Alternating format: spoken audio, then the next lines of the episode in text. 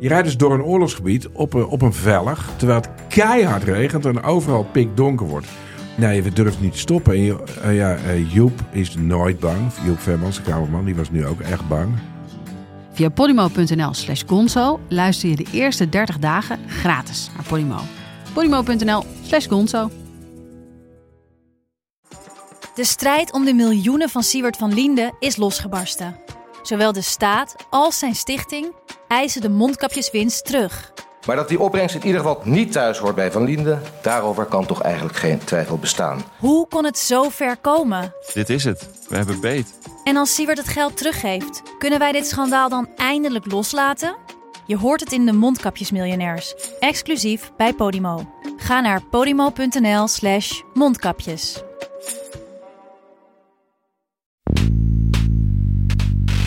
Thomas Mann schreef in zijn dagboek in die winter 32-33. Het ergste hebben we misschien wel gehad. Dit is Betrouwbare Bronnen met Jaap Jansen.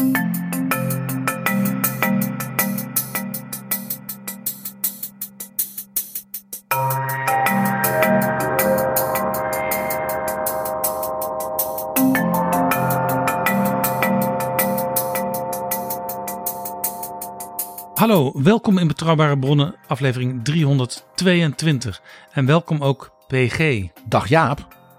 PG, we gaan het hebben over 30 januari 1933. Nu precies 90 jaar geleden. De meest fatale dag in de hele Duitse geschiedenis, schrijft Patrick Dassen in een boek dat twee jaar geleden verscheen over de Weimar-republiek. Waarbij men in de terugblik wel eens zegt het einde van de Weimar-republiek. Maar is dat wel zo? Het was in ieder geval zo dat er gesproken werd door Hitler, die toen rijkskanselier werd op die dag, die 30 januari. Door Hitler wordt natuurlijk de periode sindsdien het Derde Rijk genoemd. Ja, de nazi's noemden het de Machtergreifung. Achteraf. Je hoort het al, achteraf. Zoals vaak hè, dat dictaturen en tirannieën de geschiedenis terugwerkend herschrijven.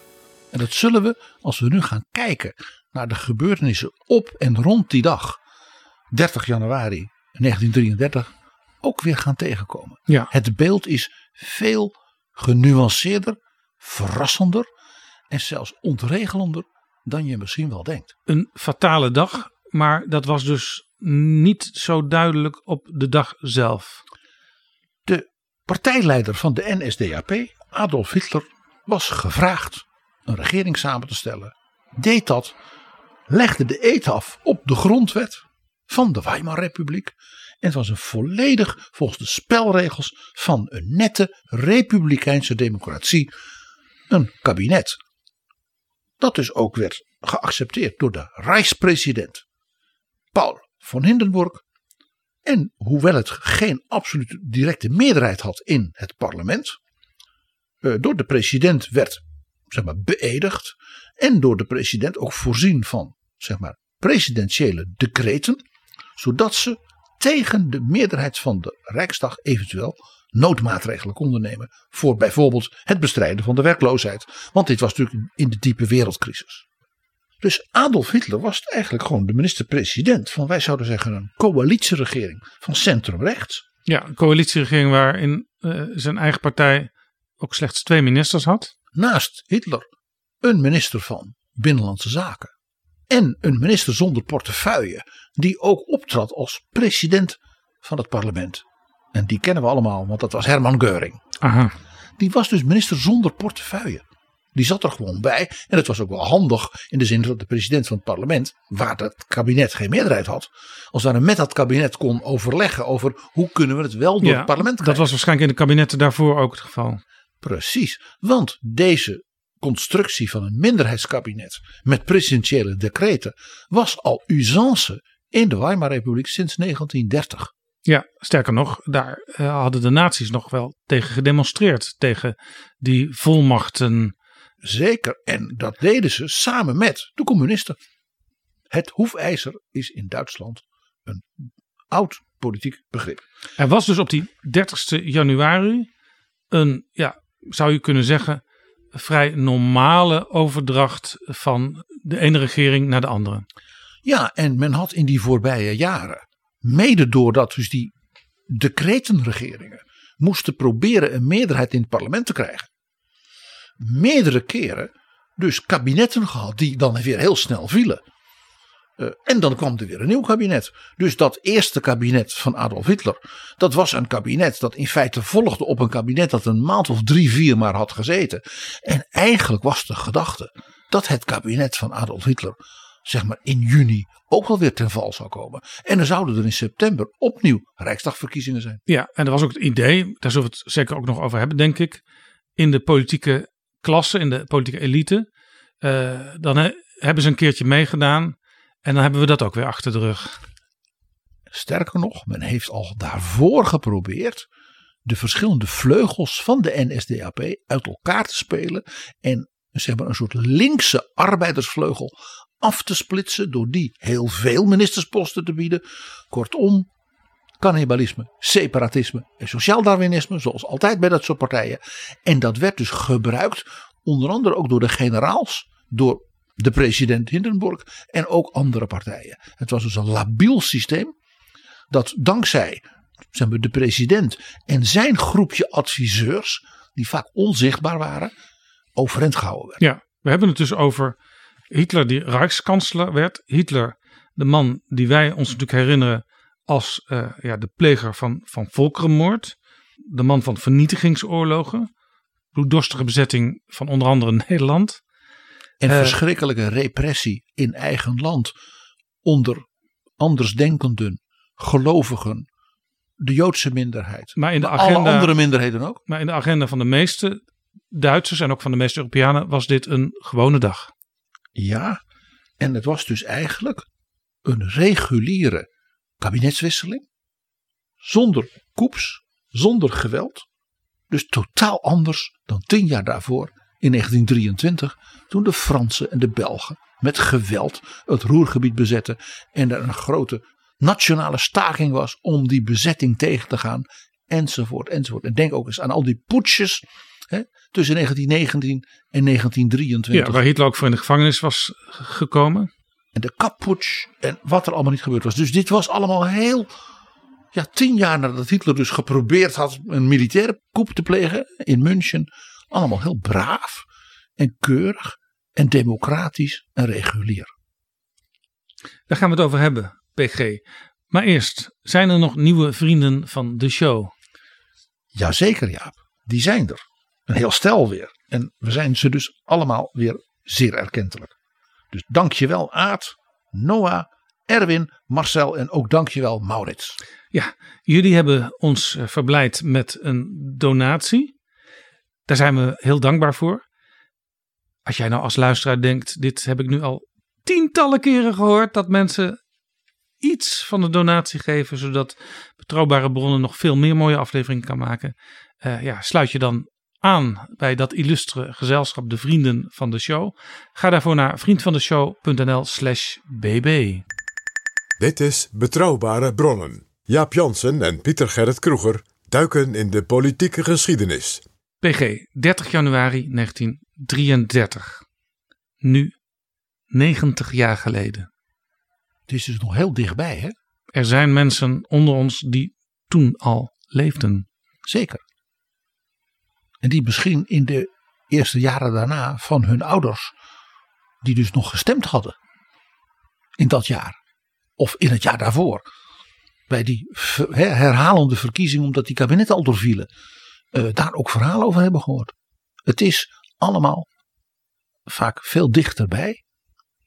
Dan je denkt als je, nou ja, flakkerende beelden ziet en documentaires en dergelijke.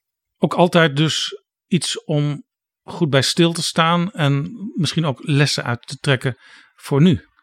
Ja, want je zult altijd zien dat natuurlijk in het functioneren van een parlementaire democratie, die onder druk staat, ook door grote economische problemen, door grote internationale spanningen, door labiliteit in het partijenlandschap, dat natuurlijk hele herkenbare patronen zijn. Want ja, ik heb het al zo vaak gezegd, politiek is mensenwerk.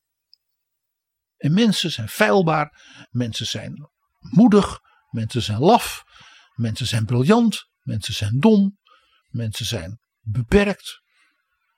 Ja. Al die dingen zijn ze. En dat verandert ook niet, is mijn diepe overtuiging. En er kan op een gegeven moment in tijden van crisis een idee ontstaan. Laten we het eens helemaal anders doen. Laten we die groep die nog nooit de macht heeft gehad met die leider. Laten we die het eens laten proberen. Tabula rasa. Of dat mensen in de elite denken. Het komt mij goed uit om te denken dat ik die mensen kan manipuleren. Want ook dat verhaal zullen we doen. En we zullen ook merken dat hele brave, wat saaiige vakbondsvertegenwoordigers dan op het spreekgestoel te staan en de speech van hun leven houden. Ja, heel interessant, want dat, dat boek waar ik net al naar verwees van eh, Patrick Dassen, De Weimar Republiek 1918-1933, eh, dat is twee jaar geleden verschenen in 2021. Daar staat ook een slothoofdstuk in, waarin die eh, ja, ook probeert nog wat vergelijkingen met het heden te maken. En daar speelt behalve dan het Duitsland van toen met Angela Merkel, dus toonbeeld van stabiliteit, maakt hij ook nog de vergelijking met uh, de Verenigde Staten van Donald Trump. Een van de dingen die hij noemt is dat de Republikeinse Partij natuurlijk heel veel moeite had met de opkomst van Trump. Hem eigenlijk buiten de deur wilde houden. Maar uiteindelijk toch dacht van ja, laten we hem toch maar binnenlaten. Want ja, wij kunnen invloed op hem uitoefenen. Ons lukt dat wel. Hij heeft toch geen politieke ervaring. Precies. Toen president Paul von Hindenburg voor het eerst van, door, door uit zijn groepje adviseurs het voorstel kreeg om bijvoorbeeld een aantal van die mensen van de NSDAP in een kabinet op te nemen. Toen heeft hij de onsterfelijke woorden gesproken. Dan maken we die Hitler postminister. Dan kan er jeden dag mijn ars lekken. ja, want de president stond natuurlijk afgebeeld op de postzegel. Juist. PG, als we nu het over de Weimar Republiek hebben. Dat is dus de, de republiek in Duitsland zoals die ontstaan is na die fatale Eerste Wereldoorlog. Die Eerste Wereldoorlog die ook natuurlijk ja, eh, Duitsland met ja, gevoelens heeft opgezadeld. Die uiteindelijk Hitler ook hielpen om ja, een soort mythe te creëren. Verarming. Het gevoel dat men verraden was miljoenen doden. De Eerste Wereldoorlog was de grote Europese catastrofe van dat moment. En dat viel samen met een uh, economische wereldcrisis, die er in Duitsland toe leidde dat er uh, tenminste 6 miljoen werklozen waren. Dat is het idee wat wij hebben van de Weimar Republiek. En jij noemde net ook nog die voortdurende verkiezingen. Uh, aan de andere kant was die Weimar Republiek ook wel een nieuwe vorm van democratie die ook echt wel zijn verdedigers had. Bijvoorbeeld de Sociaaldemocraten in Duitsland. Die waren al heel stevig en al heel erg belangrijk voor het instand houden van die prille democratie. In de eerste jaren, na zeg maar de crisisjaren tot en met 1923, hè, waar we het onlangs over hadden, met dat enorme geweld, uh, stabiliseerde dat. En toen had je een vaste coalitie van de Sociaaldemocraten, de Centrumpartij, dat was zeg maar een soort katholieke confessionele partij, en de DDP, de Duitse Democratische Partij. Dat was zeg maar het verlichte liberale burgerdom. En die hadden een hele goede meerderheid. Die konden ook, ja, die gunden elkaar wat. Je zou zeggen, dat waren drie zuilen, zouden wij in Nederland zeggen, die elkaar als democraten de ruimte gunden. Uh, en ook wisten dat de een als het ware in die streek van Duitsland belangrijk was. Rijnland was natuurlijk met Keulen. Hè, met de jonge burgemeester Adenauer was natuurlijk de centrumpartij dominant. Maar in Pruisen, met al die grote industriegebieden van de Roer en dergelijke. En Berlijn en Silesië, daar was natuurlijk de SPD dominant. En in Württemberg, in Baden, in de, beetje, de, de betere buurten hè, van, van de steden. Dan was de Duitse Democratische Partij altijd uh, dominant dus we weten bijvoorbeeld van Thomas Mann eh, stemde DDP. Ja. Zijn vrouw Katja, de dochter van een ongelooflijk rijke hoogleraar, stemde meteen SPD. Ja. Want die zei: Je hebt een grote, stabiele club nodig van verstandige mensen uit het volk, maar ook met intellectuelen. En dan heb ik liever die SPD dan die beetje jonkheren en wat chique meneren en Ja. tandartsen van de DDP. En er was natuurlijk al vroeg in die Weimar Republiek was er gedoe, de communisten die op straat agiteerden. En aan het einde van de jaren twintig kwamen ook de nationaal socialisten op straat. Onder andere met de SA, de Sturmabteilung. Die overigens in 1932 eh, verboden werd. Eh, de SS werd ook verboden. Dus er werden wel maatregelen genomen om dat gedoe op straat, om dat een beetje in te dammen. Ja, want de knokploegen, want dat waren het, van zowel de nationaal-socialisten als de communisten, die waren ook mekaars vriendjes. Ook daar weer hoevenijzer, hè? Omdat ze zeiden, hoe meer rotzooi we kunnen trappen, hoe meer we dus die middengroep, de SPD, de, de katholieken, de liberalen, dwingen tot repressie. En ja, dat tast de democratie aan. Dan gaat dus het midden de democratie ondermijnen. Precies wat we willen. Ja. Bijvoorbeeld een van de en dan krijg je op een gegeven moment roep om een sterke man.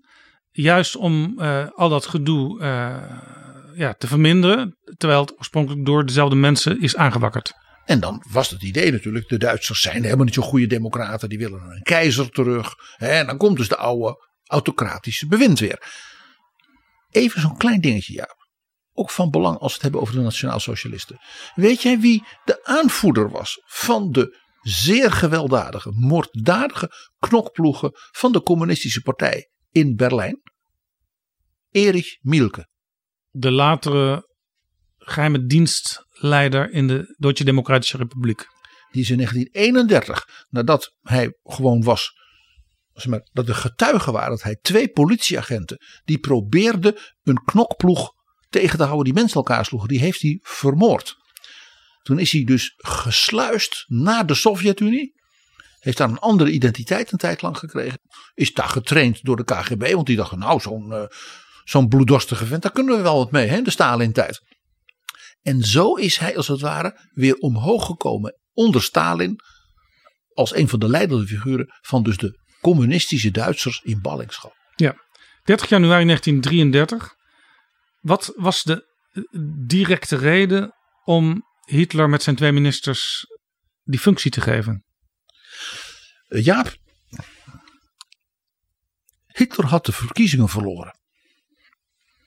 De beeldvorming hè, dat de nationaal-socialisten in de crisis een soort niet te stuiten aanhang kregen, was in het najaar van 1932 voor het eerst als het ware onttoverd.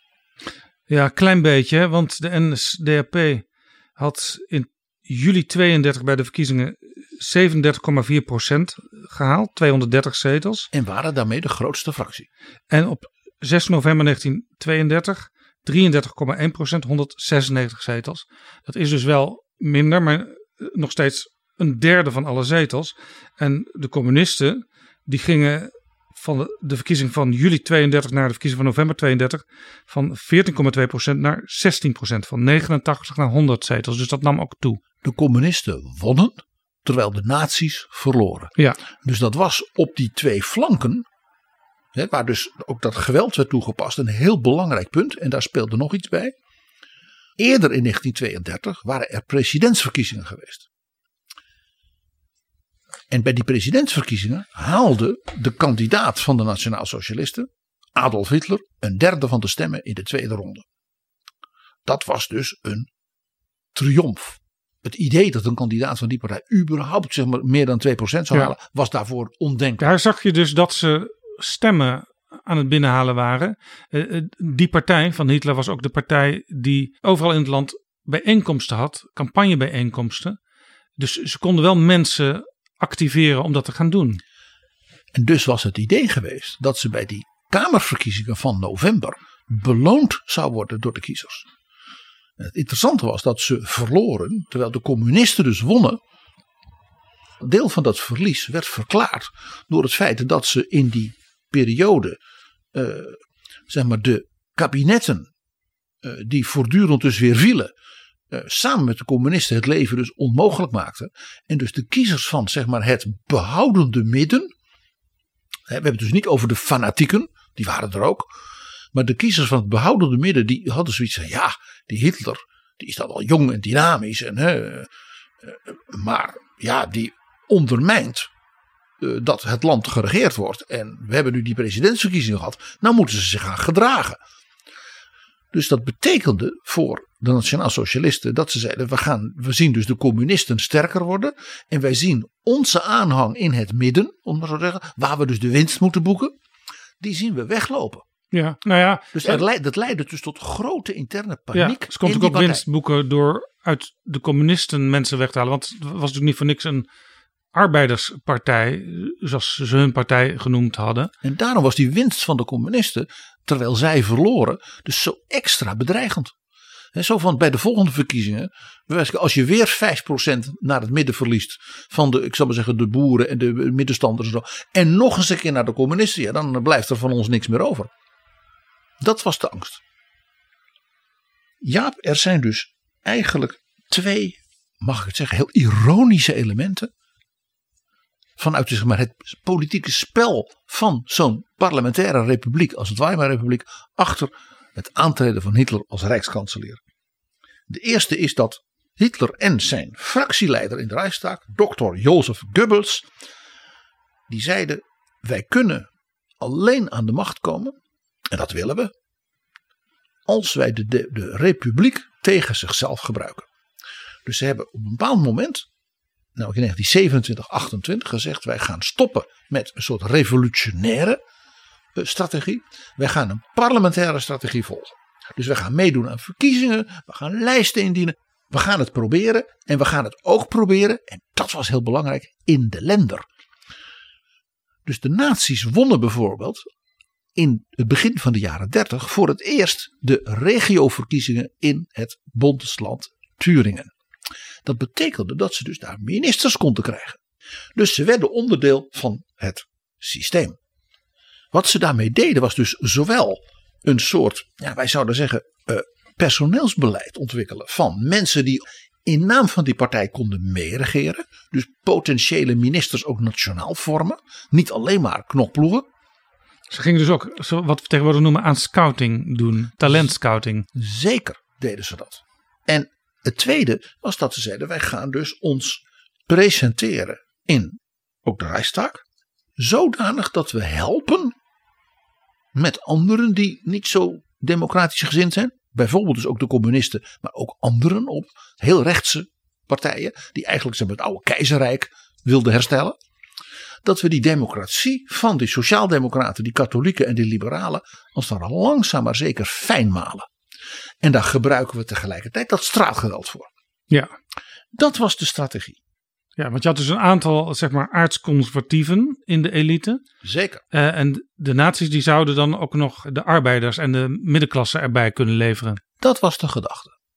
Het grappige was dat uit de ja, archieven, de, het onderzoek blijkt dat die strategie leek goed doordacht, maar was het niet. Want die oude elite, die had dit natuurlijk door. En de president was natuurlijk sinds 1925 de oude generaal Paul van Hindenburg. Die had een groep adviseurs om zich heen die zo waren knijterrechts. Ja, die wilden eigenlijk weer een autoritair bestuurd Duitsland zoals in de keizertijd. Ja, maar hij was wel de president van een eh, democratie waarin ook sociaaldemocraten en liberalen van allerlei snit een hoofdrol speelden. Dus Hindenburg moest eigenlijk een heel verfijnd spel spelen. En dat deed hij ook. Dus hij steunde die kabinetten. Maar naarmate dus de, politiek het ingewikkelder werd en die grote crisis kwam, zei hij tegen die kabinetten: Ik wil u wel helpen. Eh, met voor hele moeilijke maatregelen, bezuinigingen. Ik bedoel, het verlagen van alle ambtenaren salarissen en het verlagen van alle uitkeringen. Een beetje zoals Colijn. Hè? Door een presidentieel decreet af te kondigen. Want dat mocht volgens de grondwet. Dus Hindenburg regeerde Duitsland keurig volgens de grondwet. Maar maakte als het ware die partijen van het midden, die dus verzwakten door die crisis, afhankelijk van zijn adviseurs, ja, die in feite een autoritair Duitsland terug wilden. En hij had de steun van de Rijksweer. Want de Rijksweer, het leger, beschouwde natuurlijk Hindenburg als hun vader. Ja, want hij kwam uit hun kringen. Hij was hun, hun idool. De generaal die in de Eerste Wereldoorlog allemaal overwinningen had gepleegd. Op het Oostfront met name. Ja. Tegen dus de tsaar. Ja, dus een succesvolle generaal uit de oorlog die verloren werd. Je begrijpt wat een enorm powerful uh, uh, aura dat was. Dus één ding was voor die elite, en dan moet je ook denken aan een feodale elite, hè, dus de jonker, grootgrondbezitters in Pruisen, waar Hindenburg een zetbaas was. Dat waren zijn vrienden. Maar ook de oude adel in het westen. Denk ook aan die familie Royce, met die, hoe gefrustreerd die allemaal waren dat ze hun titels en hun spulletjes ja, kwijt de familie van de, de, de, de poetsprins die we onlangs uh, uitgebreid besproken hebben. Dat heeft alles hiermee te maken, ja. Die zeiden ja, een autoritair bestuur Duitslands, waarbij wij onze landgoed en onze titels terugkrijgen, dat valt, bevalt ons wel. Maar dan moet je dus wel de president Hindenburg en het leger steunen. Dan moet je dus niet allerlei proleten, zoals die nazi's of die communisten aan het bewind krijgen. Dus de kans is zeer aanwezig geweest. Het is ook meerdere keren achter de schermen geprobeerd. Om als het ware de democratie vanwege de werkloosheid en de grote nood tijden tijdelijk op te schorten. Waarbij er een presidentieel decretenbewind zou komen. Gesteund door de vakbonden, het leger en de katholieke kerk.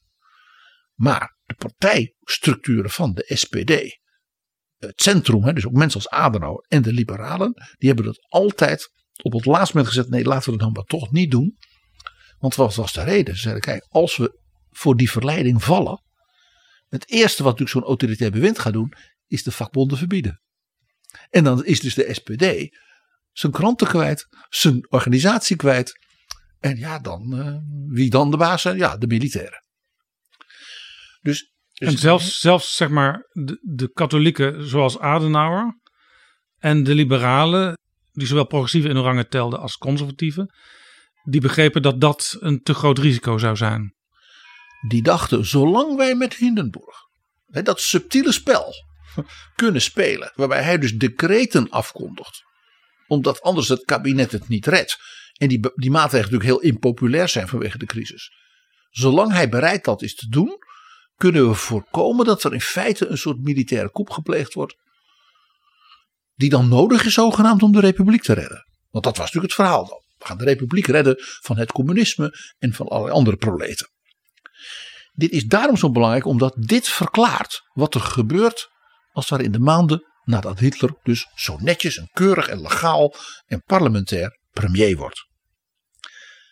De tweede ironie hierbij is dat Hitler premier kon worden omdat hij die verkiezingen verloor. En de communisten zo wonnen. Want de autoritaire conservatieve groep rond Hindenburg die dacht potverdorie het is ons gelukt het gevaar van die naties misschien wel in de knop te breken. Ze gaan nu verliezen. We gaan ze proberen uit elkaar te spelen, want dat zijn ze gaan doen. Maar die communisten die blijven maar winnen. Nog even en dat wordt de grootste partij. Dus uit angst voor de communistische opmars heeft men gezegd, nou ja, haal nou die NSDAP er dan toch maar bij. Ze hebben toch verloren. Ja? Dus ze zullen blij zijn als ze wat koekjes krijgen. En wij manipuleren ze dan. Ja, want die communisten in 1928, op, bij de verkiezing van mei, hadden ze 10,6 procent. Twee jaar later, september 1930, 13,1 procent. Juli 32, 14,2 procent. En bij de verkiezingen waar we het nu over hebben, november 32, 16 procent. Dus elke verkiezing kregen ze er erbij. een paar procent bij. En dat was stapje voor stapje, maar uiteindelijk is het natuurlijk opgeteld heel veel. En zij waren dus de enige stabiele partij die voortdurend sterker werd. En natuurlijk zeer goed georganiseerd. Ja. Zeer goed gemanaged vanuit het Kremlin door Stalin. Dat wou ik zeggen, want uh, in Moskou zat natuurlijk sinds een nog niet zo lang aantal jaren uh, een communistische regering. En dat was natuurlijk de angst toch bij veel mensen. Als die partij hier in Duitsland steeds sterker wordt, dan zijn wij straks ook een Sovjetzone. En ja, iedereen wist natuurlijk dat de grote denker, Karl Marx, altijd zei: voor een socialistische daarna communistische revolutie, wat heb je nodig? Dat is een goed georganiseerde, geletterde, intellectueel, ja, bij de pinken zijn de arbeidersklasse. En één ding, daar was in Duitsland voor gezorgd, zowel door de SPD, maar ook door die KPD, dat die dus geweldig goed georganiseerd waren. Enorm, ja, ze waren enorm bezig met bildung, training, ideologische eh, dingen, jonge mannen, jonge vrouwen. Dus daar stond een geweldige, sterke, idealistische en vooral goed ge, ge, geoutilleerde organisatie. Dat was wat anders dus dan de nazi's, want dat waren gewoon knokploegen. Dat deed als die Mielke ook. Hè? De nazi's, het die, meest die- kenmerkende die- de nazi's gaven geen cursussen in eh, nationaal-socialistische leer. Ja, maar dat moest je je niet te veel van voorstellen. Dus de, de angst voor de opmars van de communisten was natuurlijk ook gewoon, nou ja, eh, Jaap, jij zou als journalist, parlementair journalist in die tijd, bij elke verkiezing hebben gezegd van, en de enige partij die weer heeft gewonnen en dus daardoor ook een steeds ja, onvermijdelijke rol in dat parlement, dus steeds zwaarder in het parlement gaat doen, is de KPD. Ja, want jij noemde een paar keer het, het centrum. Dat was dus de, de, de katholieke partij, zeg maar de, de KVP van, of de Ja. Rooms-Katholieke Staatspartij van Duitsland. Die hadden in die jaren altijd minder stemmen. Het scheelde niet veel, maar altijd net wat minder stemmen dan die communistische partij. Dus daar zag je al dat die balans eh, veranderde. Ja, die katholieke partij had het voordeel, beetje zoals dus de KVP in Nederland van vroeger, dat een bepaald segment van de bevolking gewoon altijd braaf stemde op het centrum. Maar dat was in bepaalde regio's van het land. Maar in regio's die dus helemaal niet katholiek gedomineerd werden, zoals het Rijnland, zoals Beieren, eh, het, ook hele, het hele gebied met de grens van ons land. En eh, ook in delen van de Pools sprekende delen van eh, Silesië en dergelijke. Würzburg, dat soort streken in Duitsland. Daar verloor dus die katholieke partij aan omdat ze daar dus klein was en geen sterke organisatie had. Ja, en de Sociaaldemocraten die, die verloren ook stukje bij beetje. In 1919 hadden ze nog 37,9 procent. In 1932 20,4 procent. Ja, die waren dus bijna gehalveerd. Terwijl ze al die tijd eigenlijk altijd regeerden. Dit zegt toch iets. Dat is dus dat die Weimar-republiek aan de ene kant dus veel stabieler ja, en geordender functioneerde. Zelfs met die president. Maar aan de andere kant dus naarmate de tijd vorderde onder druk van ja, de wereldcrisis natuurlijk. Maar ook de frustraties, hè, de echo's van nou, het verdrag van Versailles en alles wat daarbij hoorde. Destabiliseerde. En de ironie, zoals ik dat noem, is dus dat die destabilisatie, inclusief het verlies van de naties, hen aan de macht hielp.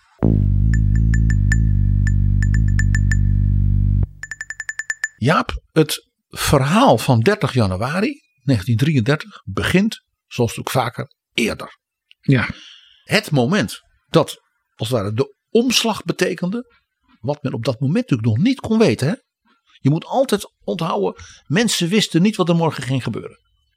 Zo historisch altijd lastig, want wij weten dan wat er gaat gebeuren. En dan ga je dus vanuit wat er gebeurde terug redeneren. Nee, je moet altijd snappen, men wist niet wat er gebeurde. 1932 liep de eerste termijn af van het presidentschap van Paul von Hindenburg. Want dat was een termijn van zeven jaar. En één ding was duidelijk, de hoogbejaarde generaal zou toch niet een tweede termijn doen. Maar ja, wie dan? Nou, hij had zelf wel een idee. Hij is gaan praten met, eh, zeg maar, eh, ervaren, maar niet bejaarde prinsen uit verschillende koningshuizen. Oh, Zijn droom was het herstel van de monarchie. Via verkiezingen. Dus als zo'n prins, hè, die zo'n brede steun zou kunnen krijgen. Als die nou gekozen werd. Dan zou er een referendum kunnen komen. Want dat kon in de Weimar-republiek volgens de grondwet. Een volksentscheid over het herstel van de monarchie. Dus dat die prins als het ware weer keizer zou worden. want Paul van Hindenburg dacht: ik heb zelf niet het eeuwige leven. Ik moet iets achterlaten. En de stabiliteit van mijn land is ermee gediend. Dat zo'n prins of zo'n koning aan het bewind komt. Maar dan wel op een democratische manier daar neergezet. Die is dan gelegitimeerd door het volk.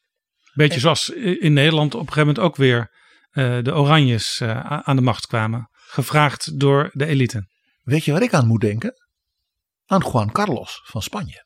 Die na Franco door de Democraten werd binnengehaald. Geaccepteerd werd nadat dus de dictator, in dit geval eh, ook een generaal, had gezegd: Ik word opgevolgd door deze prins. En, En die is uit het oude koningshuis. ja, en die ook uiteindelijk eh, heeft laten zien dat hij echt doordecemd was van eh, de democratische gedachte.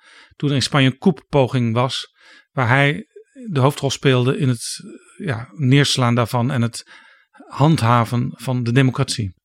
Had dus Hindenburg een prins gevonden die zijn nek had willen uitsteken en hadden dus de partijen van het midden, zal maar zeggen, zo'n president annex vorst Ja, gesteund. Had dus, genoeg- had genoeg- dus Duitsland een soort Spanje kunnen worden. er waren voldoende werkloze prinsen in Duitsland toen. Ja, en, eh, en, en allemaal gefrustreerd dat ze hun eh, paleisjes kwijt waren. Precies. Nou, het lukte dus niet. Eh, de partijen van het midden, die hadden zoiets van wie van ons zou, ja? En die kwamen er niet uit. Want die zeiden, de kans dat in de eerste ronde een kandidaat van de Sociaaldemocraten en van de katholieken, want dat was dan het geval, en van de communisten, daar begon het dus, hè, en van de nazi's tegen elkaar opgaan. Wie zegt dat dat niet de communist en de nazi, alle twee, hè, de ene 30%, de ander 29%, de sociaaldemocraat 27% en de katholiek 15%. Ja, En dan zit je, dan is het kiezen tussen of een nazi of een communist. ja. dus het, het systeem bestaande uit twee ronden zou hier fataal kunnen zijn. Precies. En daar had men natuurlijk in zekere zin geen ervaring mee. Want de eerste president was meteen met de Weimar Republiek Friedrich Ebert van de SPD. En die overleed. En toen kwam Hindenburg. Maar nu was er dus voor het eerst ja, een soort reguliere democratische machtsovername. eh, Waarbij dus die partijen allemaal heel onzeker waren. Dus men heeft toen Hindenburg gesmeekt. Toch een tweede termijn te doen. Wenn ich mich nach ernster Prüfung entschlossen habe, mich zu einer Wiederwahl zur Verfügung zu stellen, so habe ich es nur getan in dem Gefühl, damit eine vaterländische Pflicht zu erfüllen. Hätte ich mich versagt, so bestand die Gefahr, dass bei der starken Parteizersplitterung, insbesondere der Uneinigkeit der Rechten, im zweiten Wahlgang entweder der Kandidat der radikalen Rechten oder ein solcher der radikalen Linken zum Präsidenten des Deutschen Reiches gewählt würde. Ich kann nicht glauben, dass Deutschland in innerem Hader und im Bürgerkrieg versinken soll, wo es gilt, im Ringen um die Freiheit und Geltung der deutschen Nation zusammenzustehen. Waarbij hij heeft gezegd: ik doe het alleen als alle regeringspartijen en de zeg maar, conservatieve oppositiepartijen mij steunen en geen andere kandidaat.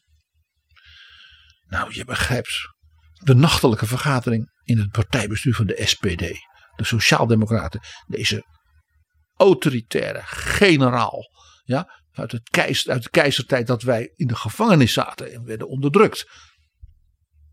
En de SPD wist dat de communisten met hun eigen kandidaat zouden komen. En dat er heel veel SPD-kiezers niet de partijlijn zouden volgen. Dus het gaat ons ook nog schaden Ja. bij de arbeiderskiezers. Ja, want dat is natuurlijk het punt bij de presidentsverkiezingen die losstaan van de parlementsverkiezingen.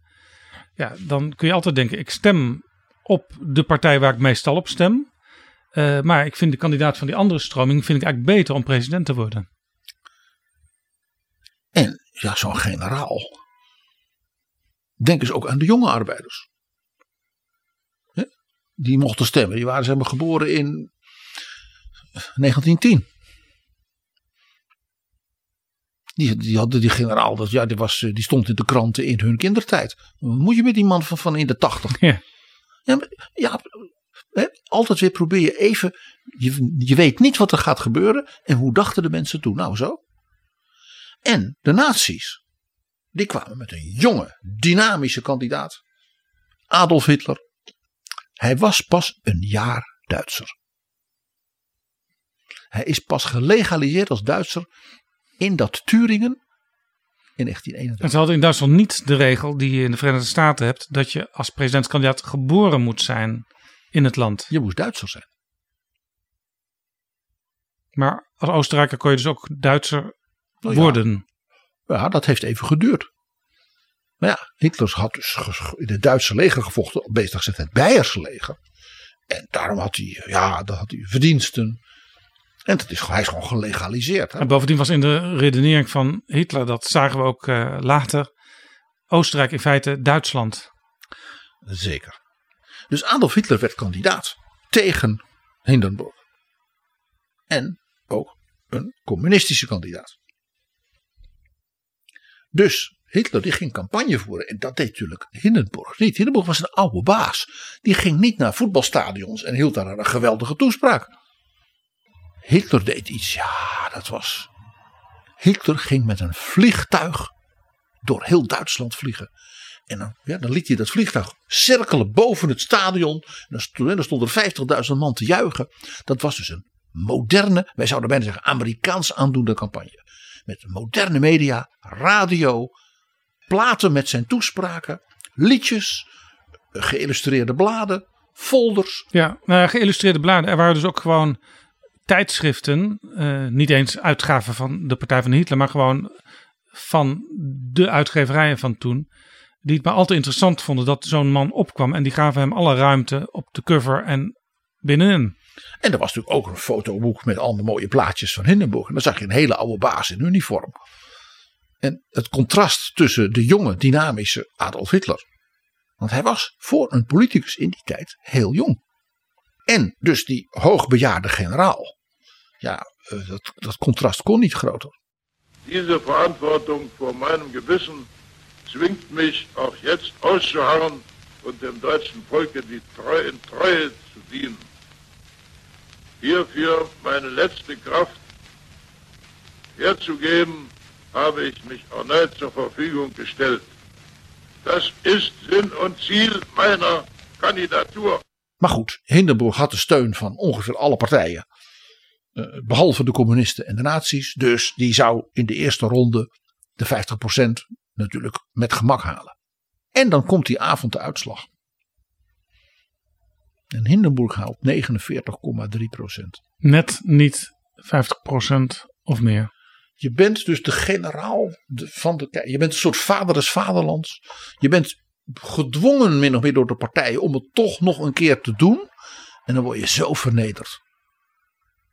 Door het succes van met name dus die nazi jonge vent. En het feit dat de communisten inderdaad toch ook heel veel jonge kiezers op links naar Ernst Telman hun kandidaat hadden geleid. Dus er werd een tweede, moest een tweede ronde komen. Waarbij de, partijen van het midden en behoudende niet-nazi-partijen tegen hun kiezers zeiden: je moet echt nog een keer gaan hoor. Ja, want dat was natuurlijk ook nog het punt. Als deze twee de enige twee overgebleven kandidaten waren, konden ook heel veel mensen dachten van ja, ik ga mij hier niet mee bemoeien, want ik zie in beide eigenlijk niks. Of dat de communisten zeiden, we stemmen op Hitler. Hoe wijzer. Nou, dat laatste gebeurde niet, want de communisten hebben afgedwongen dat Ernst Telman toch als derde kandidaat opnieuw mee kon doen. Oh.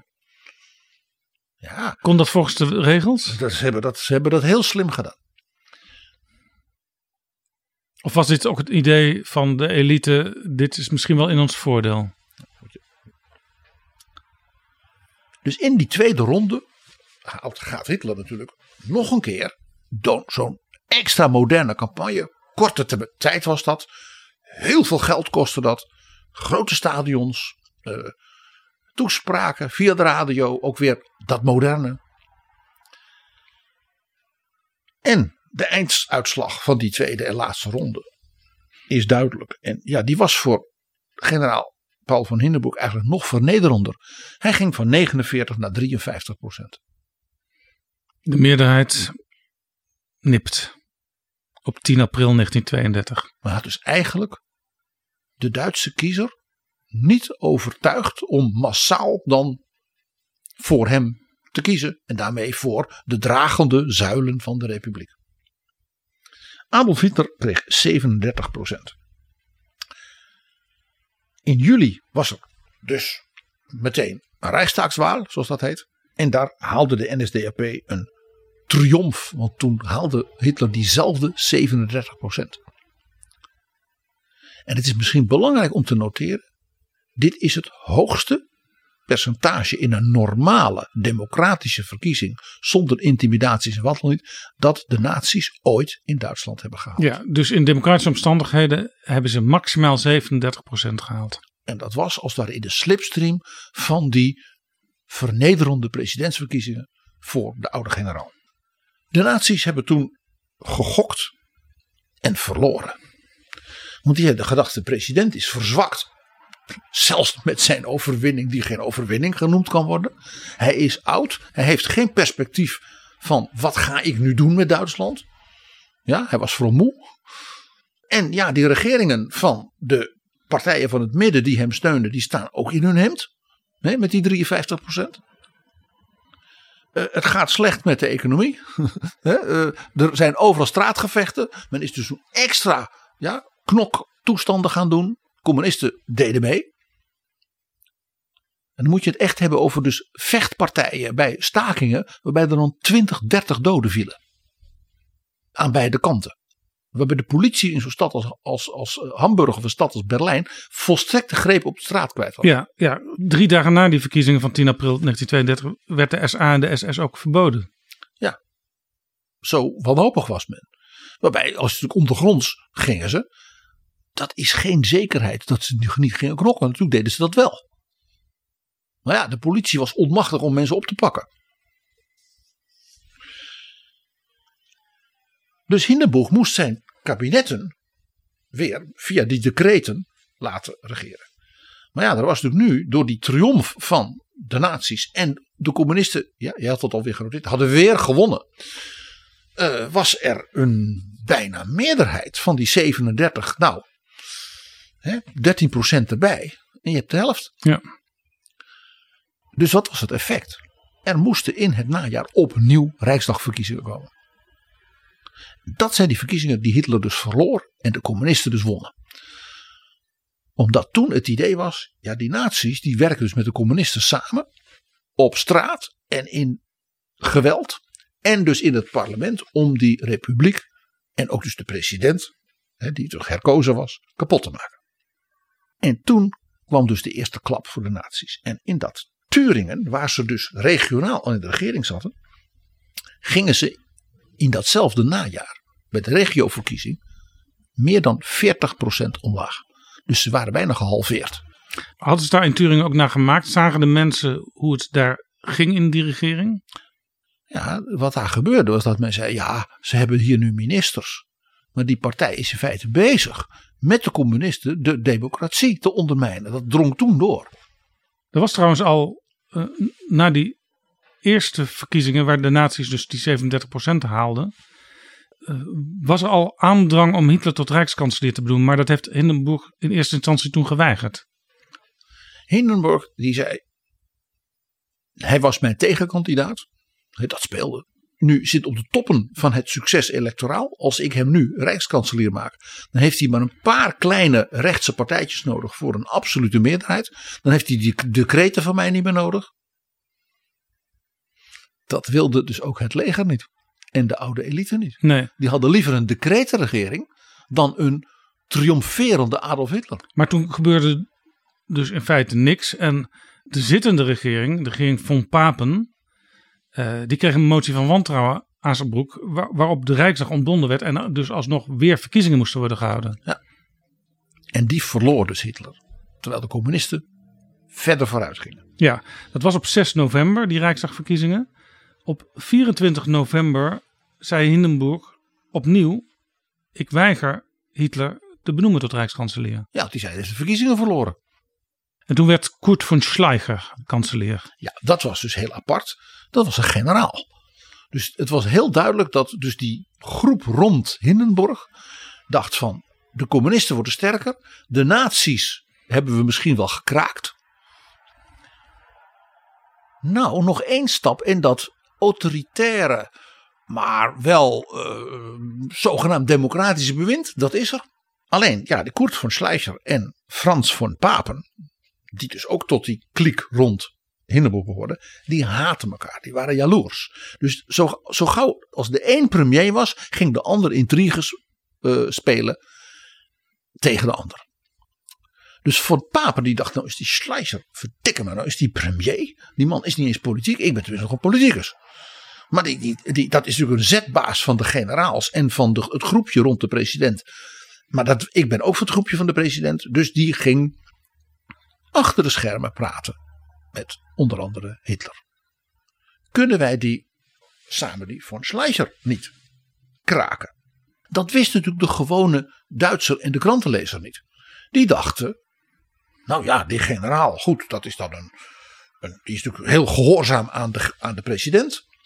Uh, die naties staan op verlies. Thomas Mann schreef in zijn dagboek in die winter 32, 33. Het ergste hebben we misschien wel gehad. Er waren dus heel veel Ja. welmenende Duitsers. Zelfs Thomas Mann, toch een scherp denker, die dacht: het wordt weer beter binnenkort. Het ergste is voorbij.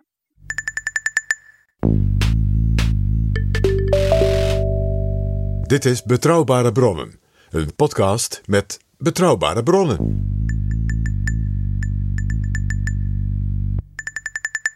Overigens, het, het ging vrij snel toen, want Koert von Schleicher was op 2 december 1932 benoemd tot rijkskanselier. Op 4 januari, dus een maand later, was er al een geheim gesprek tussen Hitler en von Papen. Jij snapt nu waarom. En eind januari, dus een week of drie later, treedt Schleicher af als rijkskanselier, want hij blijkt het vertrouwen van Hindenburg niet meer te hebben. Nee, want Hindenburg die, die merkte dus dat in zijn eigen omgeving. Ja, eh, Schleicher dus niet de steun had. Van met name eh, zeg maar de adellijke grootgrondbezitters. die door de von Papen waren opgestookt. Ja, dus eigenlijk moest Hindenburg de conclusie trekken: er zit voor mij niets anders op dan te doen wat ik al tot twee keer toe geweigerd heb. Adolf Hitler benoemen tot rijkskanselier. En Schleicher heeft toen nog één kaart uitgespeeld.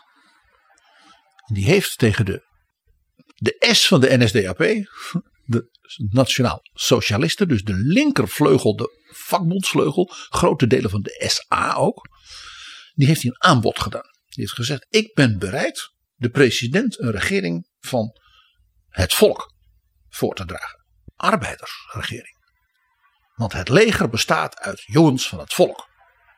En ik ben een man van het leger. En de president, zijn hart klopt voor de, de jongens in uniform. En dat zijn arbeidersjongens en boerenjongens. Dus als jullie nou afsplitsen van die Hitler. Je gooit die Goebbels en dat soort types eruit. Dus die arbeidersvleugel van de NSDAP splitst zich af. Dan kan ik de vakbonden zeggen. Al die intellectuele professoren en die ambtenaren van de SPD. Weg ermee. En dan kunnen we misschien zelfs met steun van de communisten en misschien ook van de katholieke vakbonden en de boerenbonden een volksregering maken onder leiding van de president, hè, de generaal van, hè, en het leger dat dan als het ware zorgt voor een goede organisatie. Die Kurt von Schleicher wilde dus eigenlijk het nationaal socialisme splitsen en er een soort van populistische regering in de plaats zetten die dan iets gematigder zou zijn. En vooral in feite gestuurd werd door het leger. Met de president eigenlijk dus in de oude rol van de keizer. Autoritair bewind met daar een vader is vaderlands bovenaan. Het leger hè, als elite en het volk dat het mooi vindt.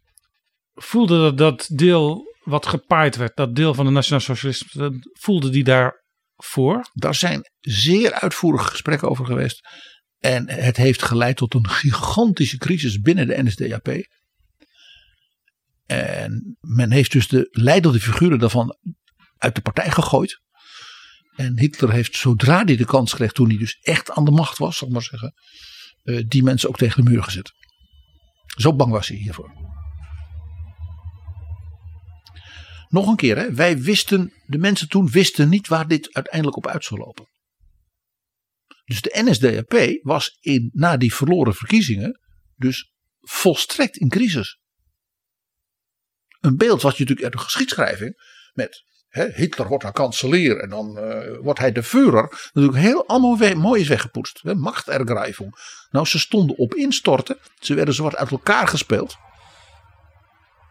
Dus we hadden een Juan Carlos kunnen hebben in Duitsland. En nu, we hadden een soort populaire militair bewind kunnen hebben. Ja, Met dan eh, de, de oude generaal als een soort eh, posterboy. Wat zei Hitler dus tegen Van Papen? Ik ben bereid met u, uw eh, adellijke eh, eh, vrienden, plus de zeg maar rechtsnationale partijen.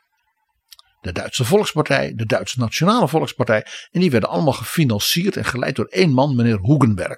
Dat was de grootste uitgever van kranten en ook van films en dat soort dingen van Duitsland. ja, dat was dus ook de man die allerlei hoofdredacteuren onder zich had. Die het wel interessant vonden om die Hitler in hun blad te zetten. Hij doet een beetje denken aan Silvio Berlusconi. De baas van de kranten, de bladen, de televisiestations. Die had je dan toen nog niet. Maar Hugenberg was een soort Silvio Berlusconi. Een rechtse regering is goed voor mijn zaak. En ik vind het zelf ook wel leuk om in dat kabinet te zitten. Dus zo geschiedde. En Frans van Papen heeft toen tegen Hindenburg gezegd van... President, u heeft nou de Hitler al meerdere keren eh, eh, gezegd... die wil ik niet, die proleet. Weet je hoe hij hem noemde? De Böhmische Gefreiter. De Boheemse korporaal. Ja, Het is geen Duitser, die komt uit Oostenrijk. En Oostenrijk was. Hij zei, de Oostenrijkers, dat zijn, dat zijn allemaal Tsjechen. Dat was natuurlijk in feite dus heel, heel neerbuigend. ja nee, denigrerend. Heel denigrerend. Hij is korporaal. Der Böhmische Gefreiter. Je kan mijn ars lekken. Als postminister. Dus von Papen heeft dus de president en vooral zijn zoon. Oscar von Hindenburg. Dat was de belangrijkste adviseur. Niemand kende die man. Die had geen politieke functie. Maar die, dat was een intrigant. En die heeft hij overtuigd van. Hij heeft die verkiezingen verloren. Dus hij is heel blij als hij überhaupt in het kabinet mag. Dus als u hem een kanselier maakt. En hij mislukt binnen een paar maanden. Daar zorgen wij wel voor. Dan gaat hij bij de verkiezingen nog zwaarder de mist in. Ja, Dus we maken hem af door hem kanselier te maken. Ik lees nu voor wat Von Papen schreef aan zijn geestverwanten en dus ook aan de president. We hebben ihn ons engagiert. We hebben hem ingehuurd. In twee maanden hebben we Hitler in die ekken gedrukt dat es kwitscht. We hebben hem in twee maanden in de hoek gedrukt dat het gaat piepen. En zo kwam dat minderheidskabinet van Hitler met als vice-kanselier Frans von Papen. ja. Die op die En- manier zijn macht nog grotendeels kon handhaven, dacht hij. En als minister voor de noodmaatregelen voor de economie, die Silvio, namelijk meneer Hoekenberg. Ah ja. En die twee dachten, hè, die knipoogden naar elkaar. Die Hitler, hè, waar de president op neerkijkt, die pakken we aan en die, we knijpen hem helemaal fijn. Er was ook een minister van Financiën, die zat er al en die bleef ook. Ja, de minister van Financiën van de Weimar-republiek was een partijloze bankier van hele hoge adel. Johann Ludwig Graf Schwerin van Kroschik. Ja, je hoort het al. Johann Ludwig Graaf Schwerin van Krozik. En die zat, was al heel lang minister van Financiën. Dus die werd opnieuw gevraagd, want ja, de begroting en de, de economie was een drama. En dus niemand wou die post hebben, maar hij wel. En dat zegt dus ook iets. Dit was dus een continuïteit van een centrumrechts kabinet. Ja, met de president die decreet gaf. En die geen meerderheid in de Rijksdag had. 248 van de 585 stemmen. Dus dat was echt geen sterke basis. Nee. Nou, dus eh, graaf Schwerin die ging gewoon door met wat hij al deed. Jaap, deze man, is minister van Financiën gebleven tot na Hitlers dood in Ja, 1945. hij is zelfs heel even rijkskanselier geweest.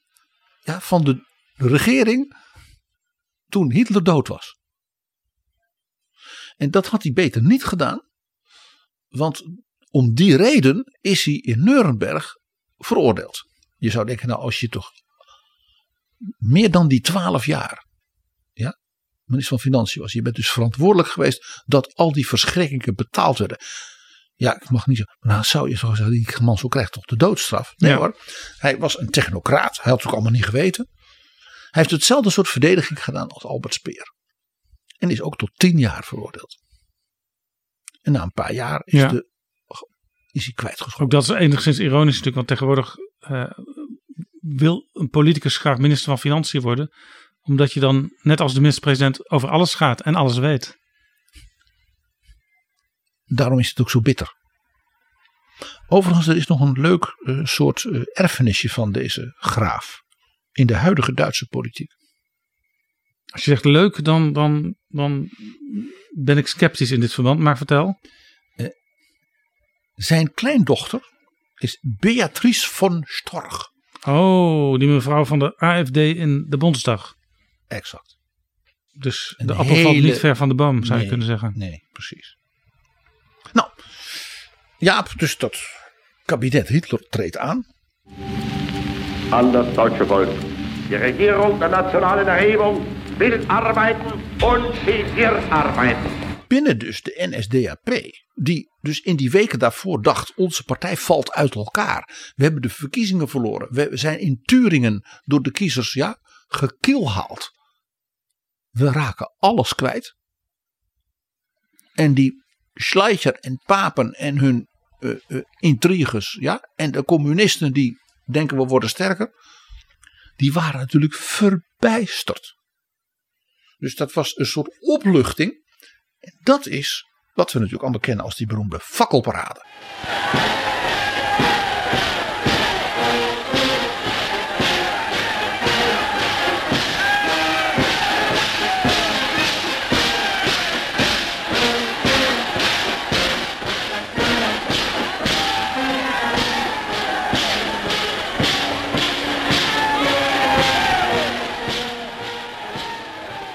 Die fakkelparade van dus de SA was om te laten zien, we zijn er weer. Ja, Dat was dus eerder een signaal. de SA van- die nog niet zo heel lang daarvoor verboden was. Dus het was eerder een signaal van zwakte. Dit was dus echt letterlijk weer zijn wieder daar. Ja. Een tweede punt was dat men zei, ja, als nu Hitler is nu is Rijkskansler. En van de genade van Frans von Papen en Hugenberg en de president en die zoon. Dus Hitler kreeg een complete restyling. Staatsman. Dus die keurige pakken. Eh, geen schreeuwende toespraken. Eh, geen handen, armen in de lucht. Ineens stond daar een keurige meneer met een mooi, wat chiquig Weens accent. Hè, want dat kon je bij Hitler altijd horen. En men was heel tevreden.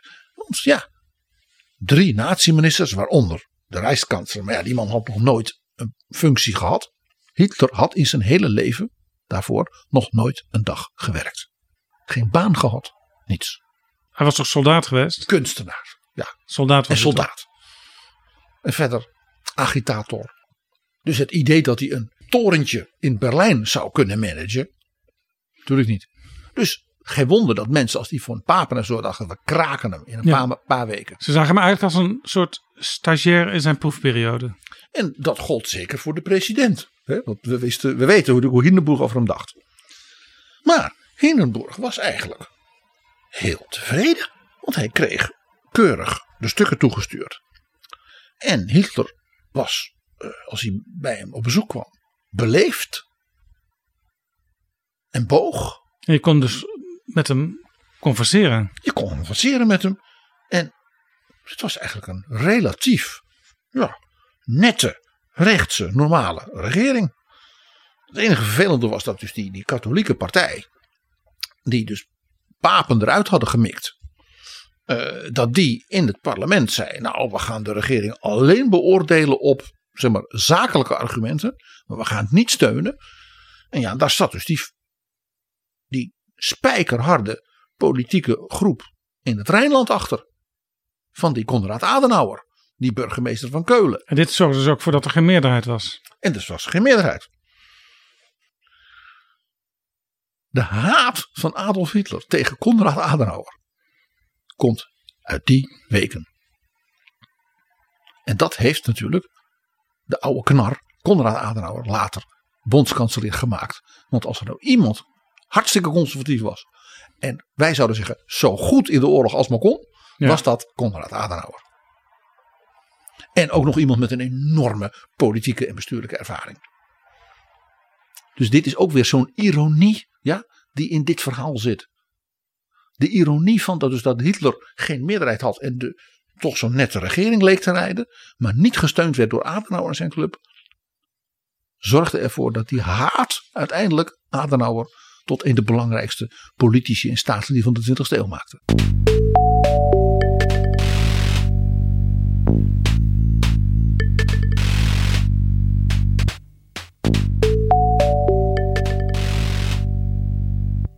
Maar toch, Paul van Hindenburg die dacht, het gaat warempel nog wel met die Hitler. Ja. En de grondwet van Weimar en het systeem van Weimar en de parlementaire democratie, zeker als die geleid wordt door deze president-generaal met zijn decreten, doet wat hij moet doen. Ja, dat weet niet iedereen, dat laat ik maar zo zeggen. Omdat Hitler dus op grond van die grondwet correct, legaal, republikeins Rijkskansler was geworden, heeft gedurende de hele nazietijd de grondwet van de Republiek van Weimar gegolden. Die is nooit vervangen. Want die maakte Hitlers bewind legaal. Hij was legitiem. Ons beeld, namelijk dus dat de nazietijd ja, een, een, een, een, uh, ja, een, een afschuwelijke dictatuur, tirannie was volkomen wetteloos, dat klopt. Maar het had dus een keurige grondwet, zeer democratisch uit 1919. Maar PG, in de praktijk was er toch niet echt meer een parlementaire democratie. En de grondwet van Weimar was wel een grondwet van een parlementaire democratie. Ja, maar onder Hitlers bewind was er dus een Reichstag, die ook gekozen was. Alleen dat waren op een bepaald moment alleen maar nazi's. En daar sprak hij ook regelmatig, hè, zijn beroemde ja, toespraken. Ja, maar dat heeft dus met de geest van de grondwet niks te maken. Nee, maar de formaliteit maakte het natuurlijk aantrekkelijk om dat vol zo te houden. Ja, en Hitler zelf sprak niet meer van de Republiek van Weimar, die had het over het Derde Rijk. En hij heette ook niet meer Rijkskansler. Hij heette Führer. Hoe kwam dat? Nou, gedurende de maand februari, dus we hebben 30 januari nu gehad. Hè, dus nu de komende weken. Begon dus 90 jaar geleden een enorm geruchte en roddel en wat als circuit. Want ja, zou het niet mogelijk zijn als Hitler uh, mislukte. Hè? En het was duidelijk dat daarop aangestuurd werd. Dat er dan onder de vlag van die decreten misschien toch weer een kabinet zou komen van, zeg maar, Rooms-Rood. Ja. Zonder de NSDAP. En die zouden alleen maar heel dankbaar zijn. Want ja, ze waren natuurlijk ernstig verzwakt door die verkiezingen. En als dus de president bereid zou zijn geweest Hitler op een bepaald moment weer ten val te laten komen. Hè, door de intriges van zijn zoon en die Schleicher en zo. Dan zou de SPD en het centrum en zo. Die zouden uit de hand eten van die zoon en van de president. En dan kon dus die volgende stap worden gezet naar dat autoritaire bewind. Wat dat feitelijk niet meer echt parlementair en democratisch was. Wat een ongelooflijk slimme strategie, hè? Ja. Ja, ja. Nou ja, interessant vind ik dus dat zeg maar, de, de conservatieve elite uh, dacht: ja, de Hitler, dat, dat moeten we niet hebben. Hij valt nu misschien een beetje mee, maar uiteindelijk moeten we toch van hem af. Maar we moeten natuurlijk wel een reactionair bewind vestigen. En daar gebruiken we hem voor. Zij zagen in Hitler een willoos instrument van hun eigen politieke brieën. Wat voor fouten kun je maken?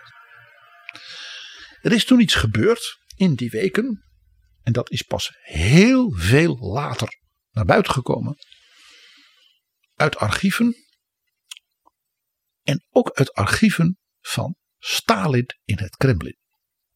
En dat danken wij aan de onlangs overleden grote Duitse schrijver en essayist en ook historicus Hans Magnus Enzensberger. Oh ja. En die heeft een boek geschreven dat heet Hammerstein. Prachtige titel natuurlijk. En dat is een roman.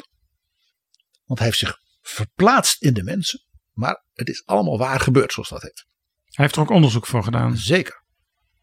Want Kurt von Hammerstein was iemand met een aanzienlijke uh, status in Berlijn. Want hij was chef van de Rijksweer, de allerhoogste generaal. Ja, zeg maar de, de, de commandant der strijdkrachten zouden wij in Nederland zeggen. De voorzitter van de generale staf. En de commandant. Omschreven door Enzensberger als een grand seigneur. Kurt von Hammerstein, je hoort het al. Klassieke Duitse, Pruisische militaire adel. En zeer conservatief. Helemaal niet voor de Weimarrepubliek. Man van het keizerrijk. Maar, heel grappig, hij was heel gelovig. En zijn kinderen waren heel progressief. Dat waren echt ja, van de goldene zwanziger, de jeugd. Ja? Dus hij had een afkeer van de nazi's. Proleten vond hij het. Wat ze natuurlijk ook waren. En die is aanwezig bij een sessie die de nieuwe rijkskanselier met de legertop organiseert. En die zit hij voor. En Hitler vertelt haar dat hij alles zal doen wat de Rijksweer wil. Want hij is bereid om het verdrag van Versailles opzij te schuiven. Enorm te gaan investeren in het leger. Maar hij heeft gewoon het hele plan geschilderd. Van we gaan eh, een, een Anschluss met Oostenrijk doen. Met herbewapening. We gaan dealen met de Britten. Dan mogen zij hun vloot hebben. En wij hebben het leger, dan is Frankrijk dus dan geneutraliseerd, want dat kan dan niet meer. Dan pakken we Polen en de Sovjet-Unie levensruim in Oosten. Was dit verstandig van Hitler om zijn hele strategie zo op tafel te leggen? Of dacht hij, die Rijksweer die is zo gefrustreerd door de afloop van de Eerste Wereldoorlog, die zullen dit meteen omarmen? Dat laatste. Het was ook vabank spelen.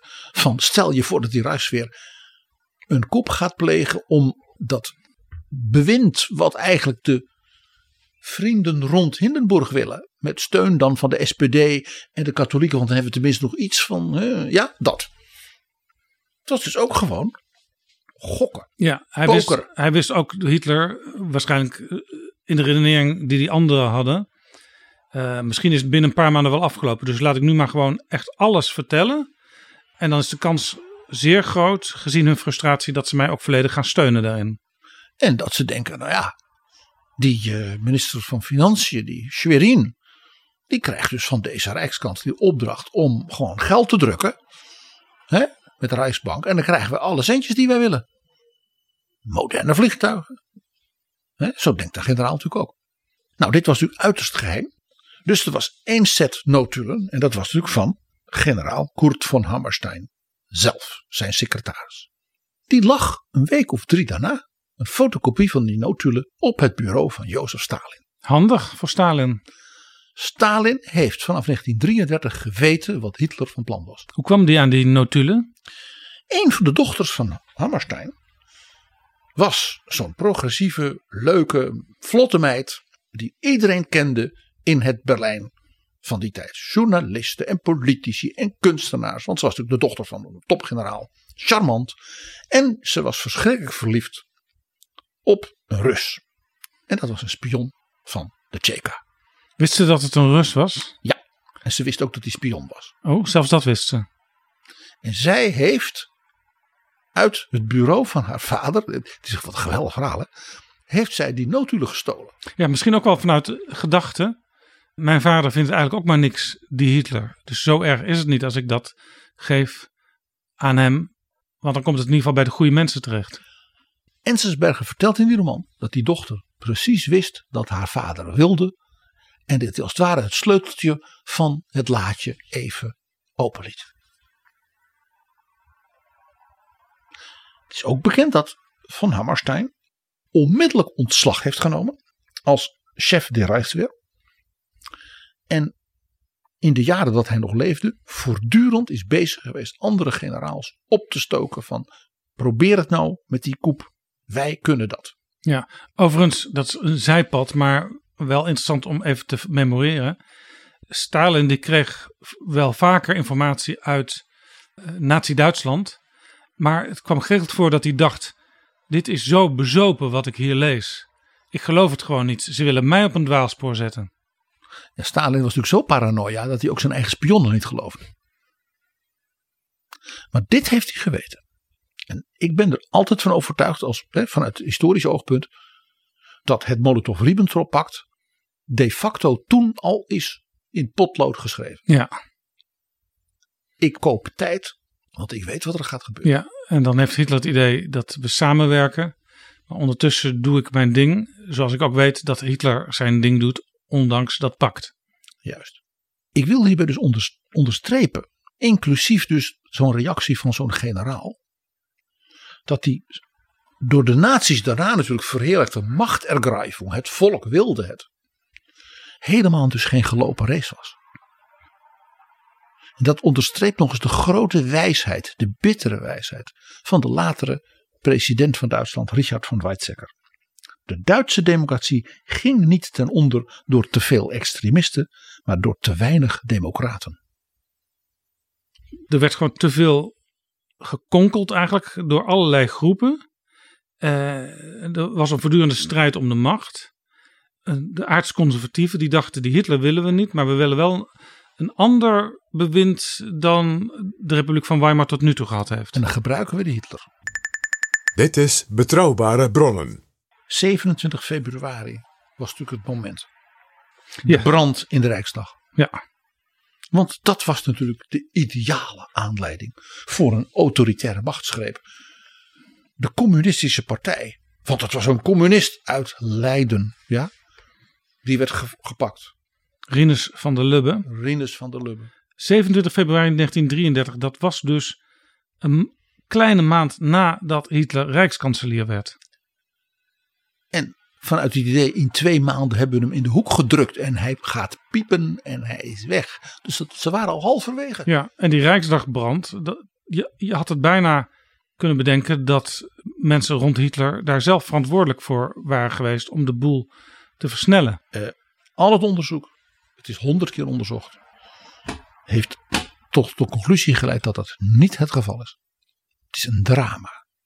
Dit was natuurlijk een geweldig moment om de noodtoestand af te kondigen. Ja, de oude generaal Hindenburg, die tekende natuurlijk meteen. Ja, de verordening zum Schutz von Volk und Staat. Dus alle burgerrechten werden opgeschort. De communistische partij werd verboden. Daarmee waren dus de leden van de Rijksdag van de communistische partij ineens geen lid meer.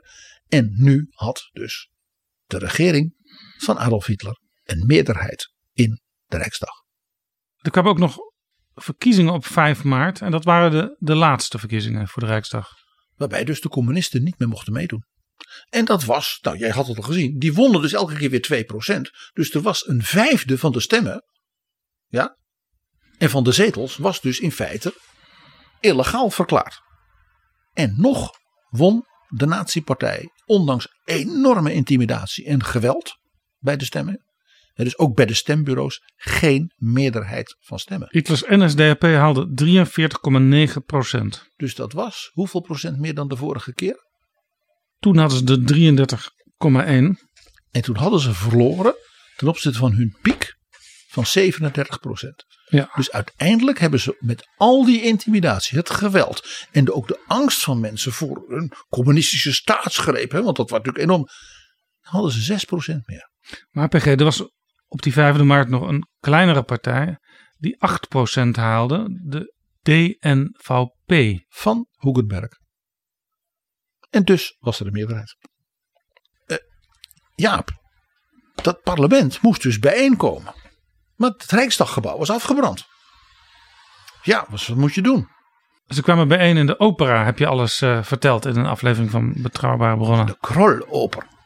Dat gebouw staat er helaas niet meer. Dat stond recht tegenover de Rijksdag op dat prachtige plein. Wat nu een beetje een grasveld is. En in feite kijk je nu op het. Maar de Kroloper stond daar. Groot gebouw.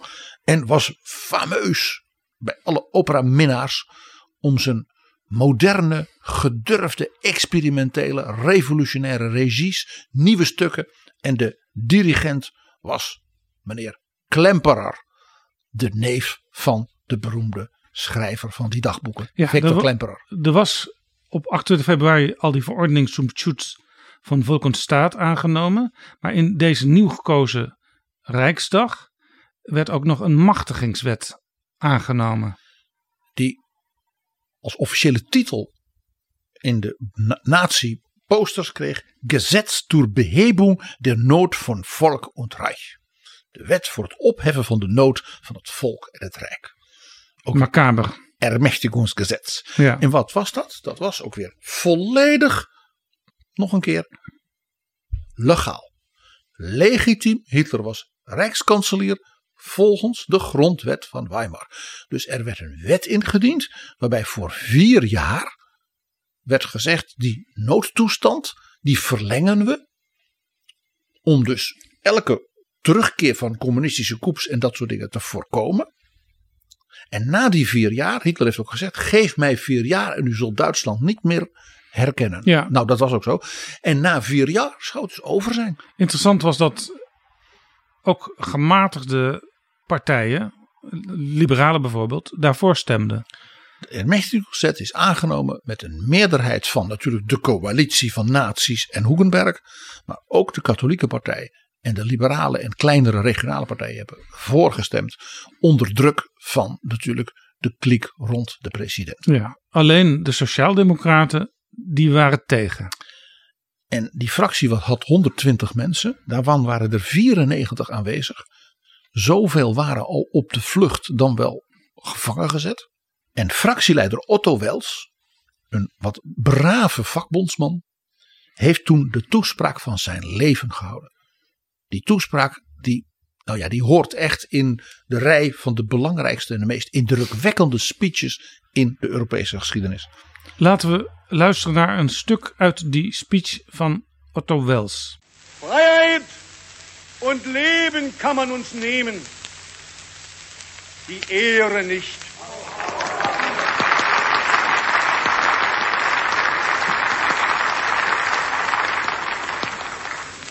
Nach den Verfolgungen, die die Sozialdemokratische Partei in der letzten Zeit erfahren hat, wird niemand von ihr billigerweise verlangen und erwarten können, dass sie für das hier eingebrachte Ermächtigungsgesetz stimmt. Die Wahlen vom 5. März haben den Regierungsparteien die Mehrheit gebracht. Damit ist die Möglichkeit gegeben, streng nach Wortlaut und Sinn der Verfassung zu regieren. Wo diese Möglichkeit besteht, besteht auch die Pflicht. Kritik ist heilsam und notwendig. Niemals noch seit es einen deutschen Reichstag gibt, ist die Kontrolle der öffentlichen Angelegenheiten durch die gewählten Vertreter des Volkes in solchem Maße ausgeschaltet worden, wie das jetzt geschieht. Und wie das durch das neue Ermächtigungsgesetz noch mehr geschehen soll. Eine solche Allmacht der Regierung muss sich umso schwerer auswirken, als auch die Presse jeder Bewegungsfreiheit entbehrt. Jaap, als je dat kunt zeggen van u, Hitler, u zegt wel dat u het volk en het Reich komt redden. U komt ons in het verderf storten. En dan zit hij en u, u gaat alles kapot maken wat het leven en de democratie waard maakt. Dan is die Vrijheid und Leben kan man ons nemen, die Ehre nicht. Hij zegt wij zullen tegenstemmen omdat we de eer van de Duitse sociaaldemocratie en de democratie in Duitsland willen redden. Ja, en dit was het moment dat eh, veel Duitsers die nog dachten: het zal allemaal zo'n vaart niet lopen, hun knopen telden. En een aantal is toen alsnog het land uit gevlucht. Massale exodus van zeg maar intellectuele eh, eh, denkers, journalisten en ook heel veel al Joodse Duitsers die dachten: dit kan niet anders dan fout gaan. Ja, zoals de familie van Thomas Mann. Thomas Mann was op dat moment in Zwitserland, eh, in Arosa, dat was zijn winterverblijf. En het is te danken aan Katja Mann, zijn vrouw. Hè, ik zei altijd de CEO van de firma Mann. Die buitengewoon veel helderder dacht politiek dan haar echtgenoot. Die las de kranten, was een hele scherpe vrouw. En die zei: Tommy, we blijven voorlopig even hier. We horen wel van thuis hoe het eruit ziet in München, hè, waar ze woonden.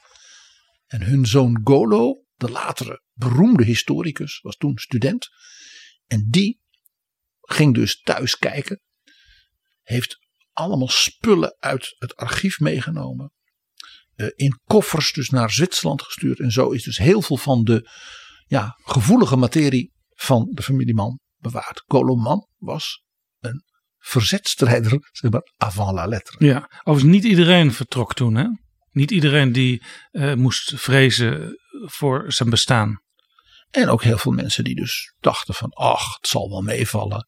Er waren heel veel mensen die zeiden, na een tijdje, Hindenburg gaat dan natuurlijk eh, met het leger. Hè, dat was met, voortdurend dacht men, dan komt er een eh, stevig Ja, bewind. Dit was misschien ook wel een reden voor een deel van parlement om toch maar in te stemmen. Dat was de reden.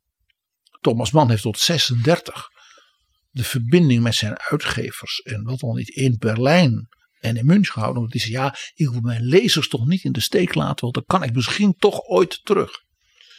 En er zijn dus ook heel veel Joodse families niet geëmigreerd. We hebben alles verteld over die geweldige dagboeken van Victor Klemperer. Die door een wonder in 45 is gered. Maar denk ook aan Henry Kissinger en zijn ouders. Heinz Kissinger. Ja, Heinz Alfred, zoals zijn voornaam is. Zijn vader was eh, hoofdonderwijzer van een school. En die zei, ja, ik kan toch die kinderen niet in de steek laten. En die is dus vlak voordat het niet meer kon in 1938 pas geëmigreerd naar Amerika. Dit was het verhaal van een ogenschijnlijk gewone dag in de geschiedenis van Duitsland. 30 januari 1933. Er trad een nieuw kabinet aan met een nieuwe coalitie, conform de grondwet. Achteraf gebleken een fatale dag. Zoals Patrick Dassen schrijft in zijn boek De Weimar Republiek 1918-1933. Uitgegeven door Van Oorschot. PG, er zijn nog een paar boeken die jij in de aandacht van de luisteraar wil brengen. Als je deze tijd beter wilt begrijpen. Allereerst de meest recente, werkelijk briljante biografie van Adolf Hitler.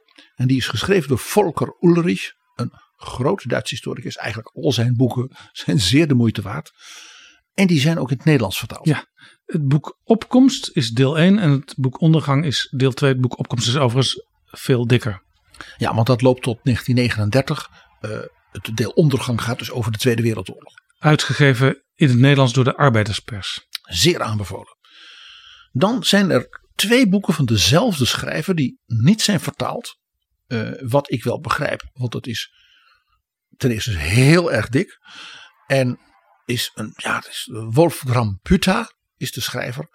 En dat is echt dat is een wonder als historicus. Ja, die heeft een boek Hindenburg geschreven. Die heeft over die buitengewoon saaie uh, generaal die dus ja, bijna 80 dat hij president wordt. Dus je moet eerst door die 80 jaar heen. En, een biografie van meer dan 1100 pagina's.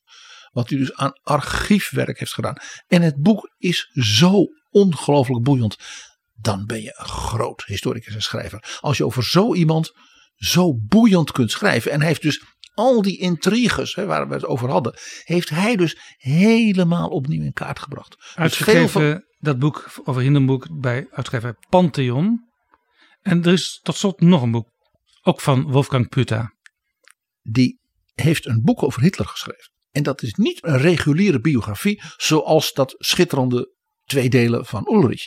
Dat is een boek over wie was die man nou eigenlijk? En hij zegt Hitler die zag zichzelf als kunstenaar. Het was een bohemien.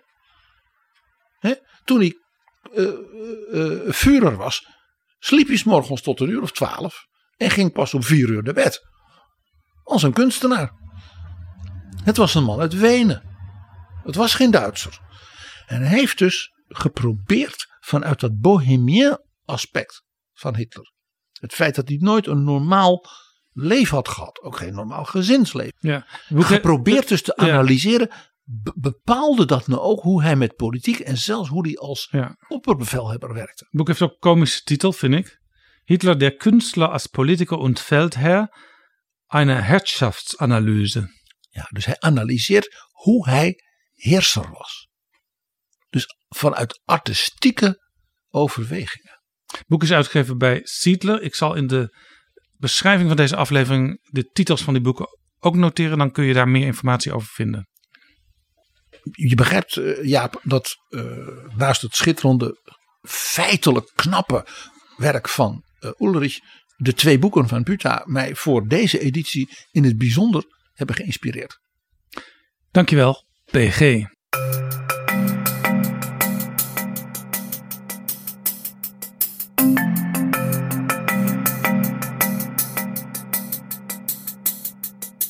Zo, dit was Betrouwbare Bronnen aflevering 322. Deze aflevering is mede mogelijk gemaakt door de vrienden van de show. Wil jij ons ook helpen met een donatie? Dan word je vriend van de show. Ga dan naar vriendvandeshow.nl slash bb. Tot volgende keer. Betrouwbare Bronnen wordt gemaakt door Jaap Jansen in samenwerking met dag en nacht.nl.